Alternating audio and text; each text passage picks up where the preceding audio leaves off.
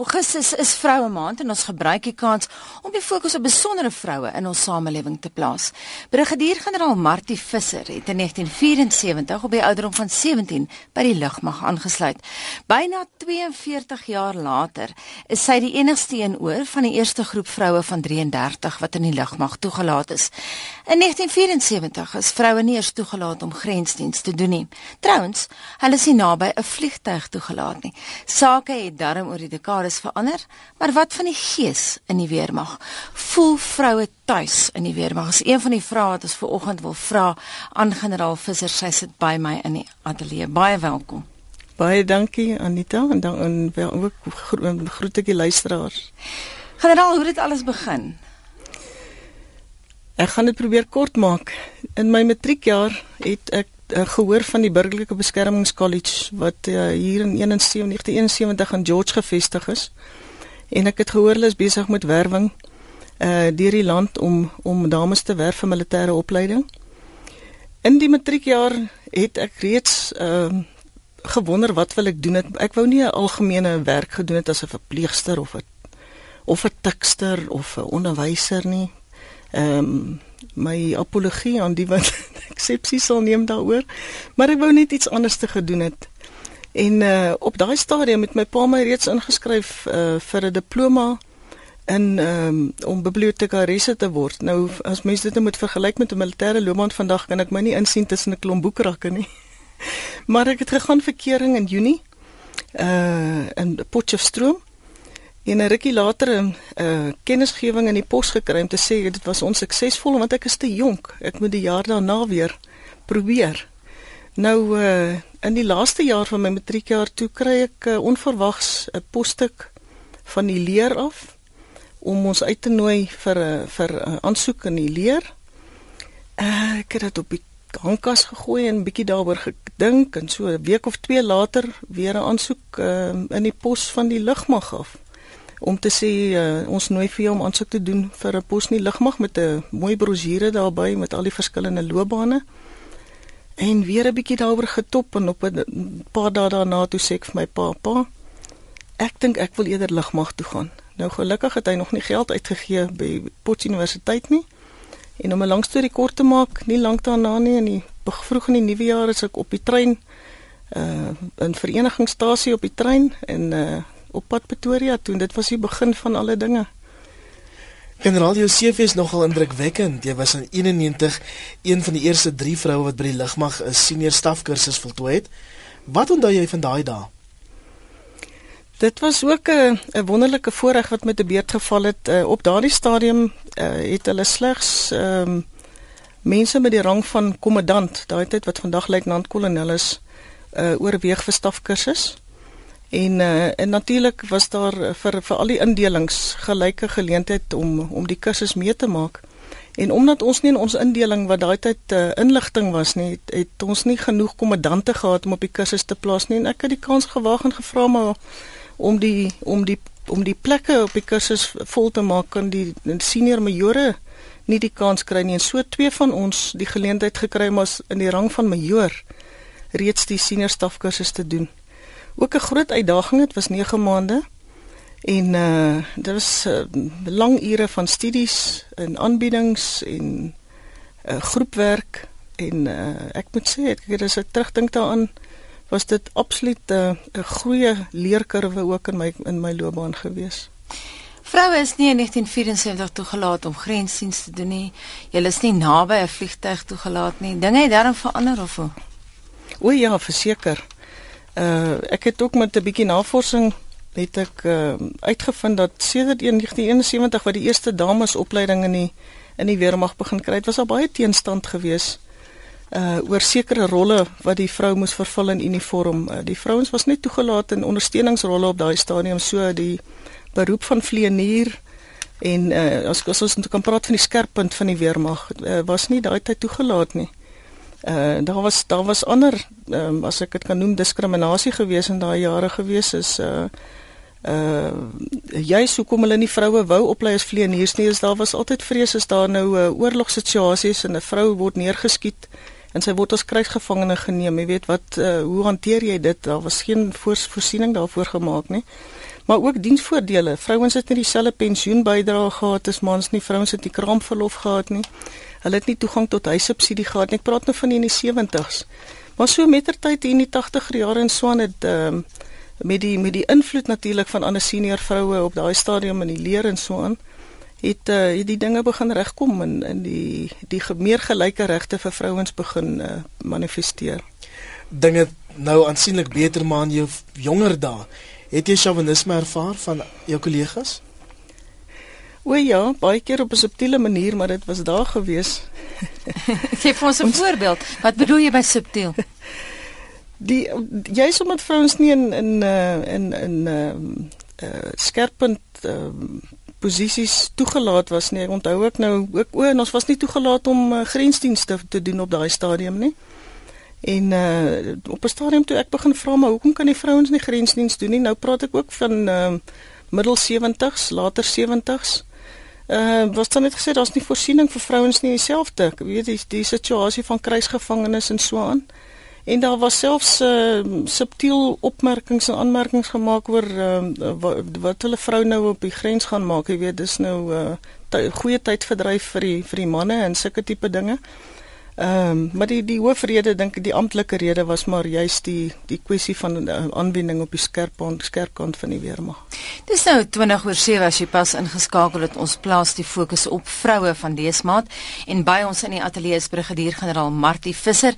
Sy het in 1974 by die lugmag aangesluit en byna 42 jaar later is sy die enigste een oor van die eerste groep vroue van 33 wat toegelaat is in die lugmag. Ons kyk 'n bietjie nou hoe sake oor die jare verander het seksuele teistering in daai dae? O, dit was dit was daar gewees. Verseker ek um, ek onthou sommer vroeg in my loopbaan in 1975 toe 'n groep van ons wat uh, as radaroperateurs uh, ons opleiding moes kry na basiese opleiding is ons na 'n plek toe wat vandag nou nie meer bestaan as 'n weermag eenheid nie, die noordelike lugverdedigingssektor in in Devon.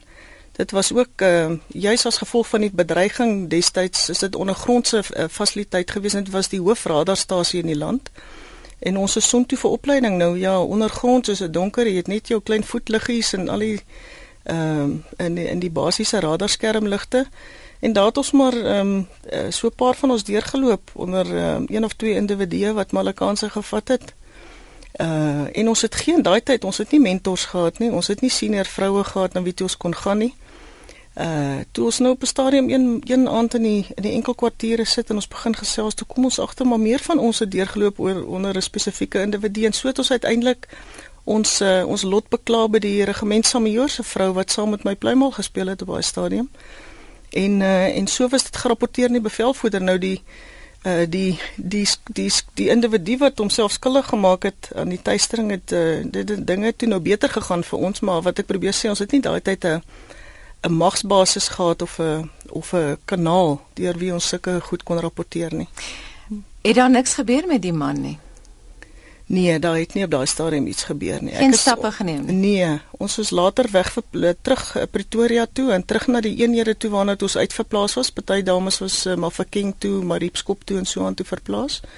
Um, ek is gelukkig terug Pretoria toe, maar ek het op daai stadium besluit om herindeling te neem Uh dit klink dalk nog snaaks, maar ek was maar huisvas, my seekind, my ouers het van 'n boupark gebly en ons het nog die geleentheid gehad om te kon verander in jou loopbaan as jy wou. So ek het uh gelukkig gewees om te kon verander na uh, uh daai tyd het dit genoem operasies en inligtingsklerk wat my laat opeindig het by 28 geskader op operasionele skader op Waterkloof.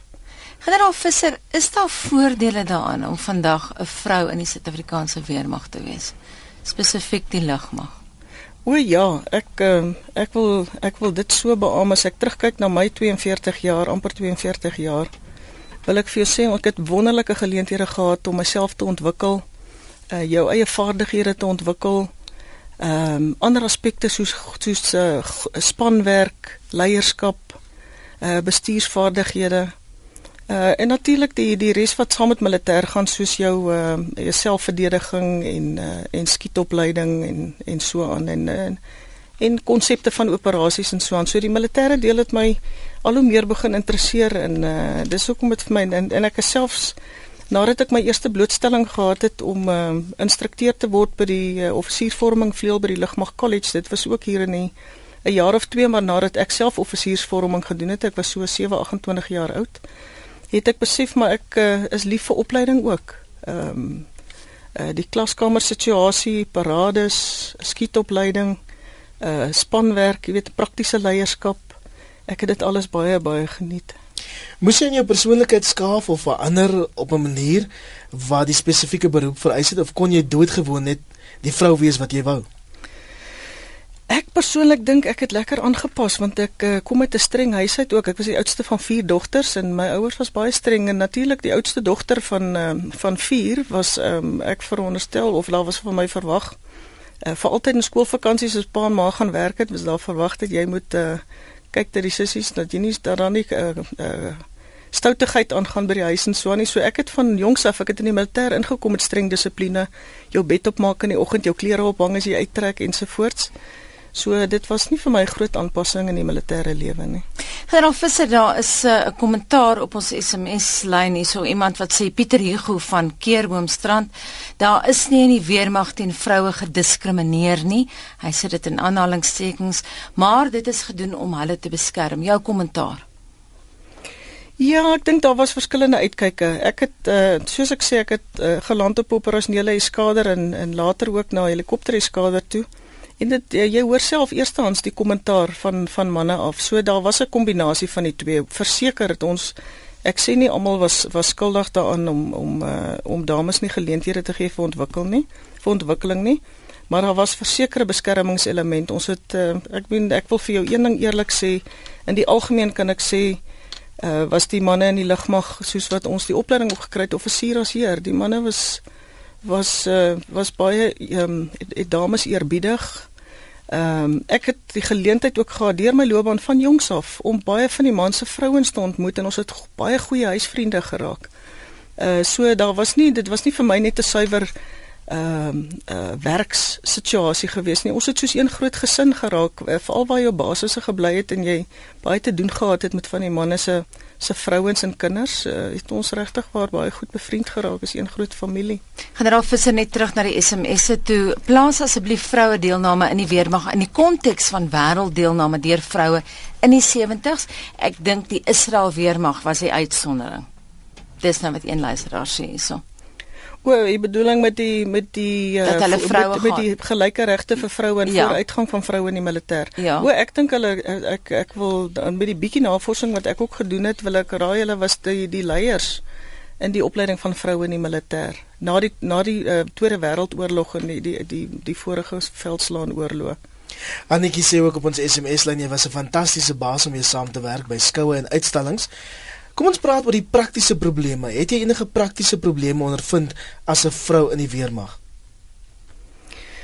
Nee, ek kan nie so sê nie. Ek wil ek wil regtig sê vandat ek self in die leierskorps begin beweeg het na my offisierskursus in in in 81 uh het ek net uh, net goeie uh ondersteuning van my manskollegas gehad. Ek kan regtig nie sê dat ek spesifieke uitdagings gehad het nie. En voel jy heeltemal tuis as vrou in die in die in die weermag vandag? O ja, anders het ek ook lankal 'n ander skuif gemaak het. Ek hmm. uh, dis dis absoluut deel van my lewe en ek wil graag sê ook veral vir die jonger garde is dit um, om 'n soldaat te wees is 'n lewenswyse. Dis nie net 'n werk wat jy gekies het nie want um, ek spot altyd om te sê as jy wou ryk geword het en baie geld verdien het, het jy nie weermag toe gekom nie. dit gaan alles oor uh, patriotisme en diens aan jou land en diens aan jou medemens. Dis waaroor dit vir my gaan. Generaal Visser, wat is die moeilikste aan jou werk? Waarvan nou jy nie? Dis moeilik om dit te sê. Ek kan nie sê daar's iets wat ek nie van hou nie. Nee. Wel die moeilike is altyd dink ek en is 'n menslike ding wanneer jy dissiplinêre optrede moet toepas teen ehm um, onderpresteerders. Ehm um, dit is altyd die moeilike deel want dit is mos tog nie lekker om uh, om dissiplinêre optrede toe te pas nie, maar dit dit is definitief nodig van tyd tot tyd. Nog 'n SMS: Vroues en gestremdes hoort nie in die weermag nie. Dis my opinie. Ek is ook in die weermag vanaf 76. Ek neem aan dis 'n man wat so sê hy sê nie wie hy is nie, maar daai soort van houding het dit oor die jare darm verander. O, dit het verseker. Ek sou graag met uh, met hierdie spesifieke persone gesprek wil voer om die redes te hoor daaroor.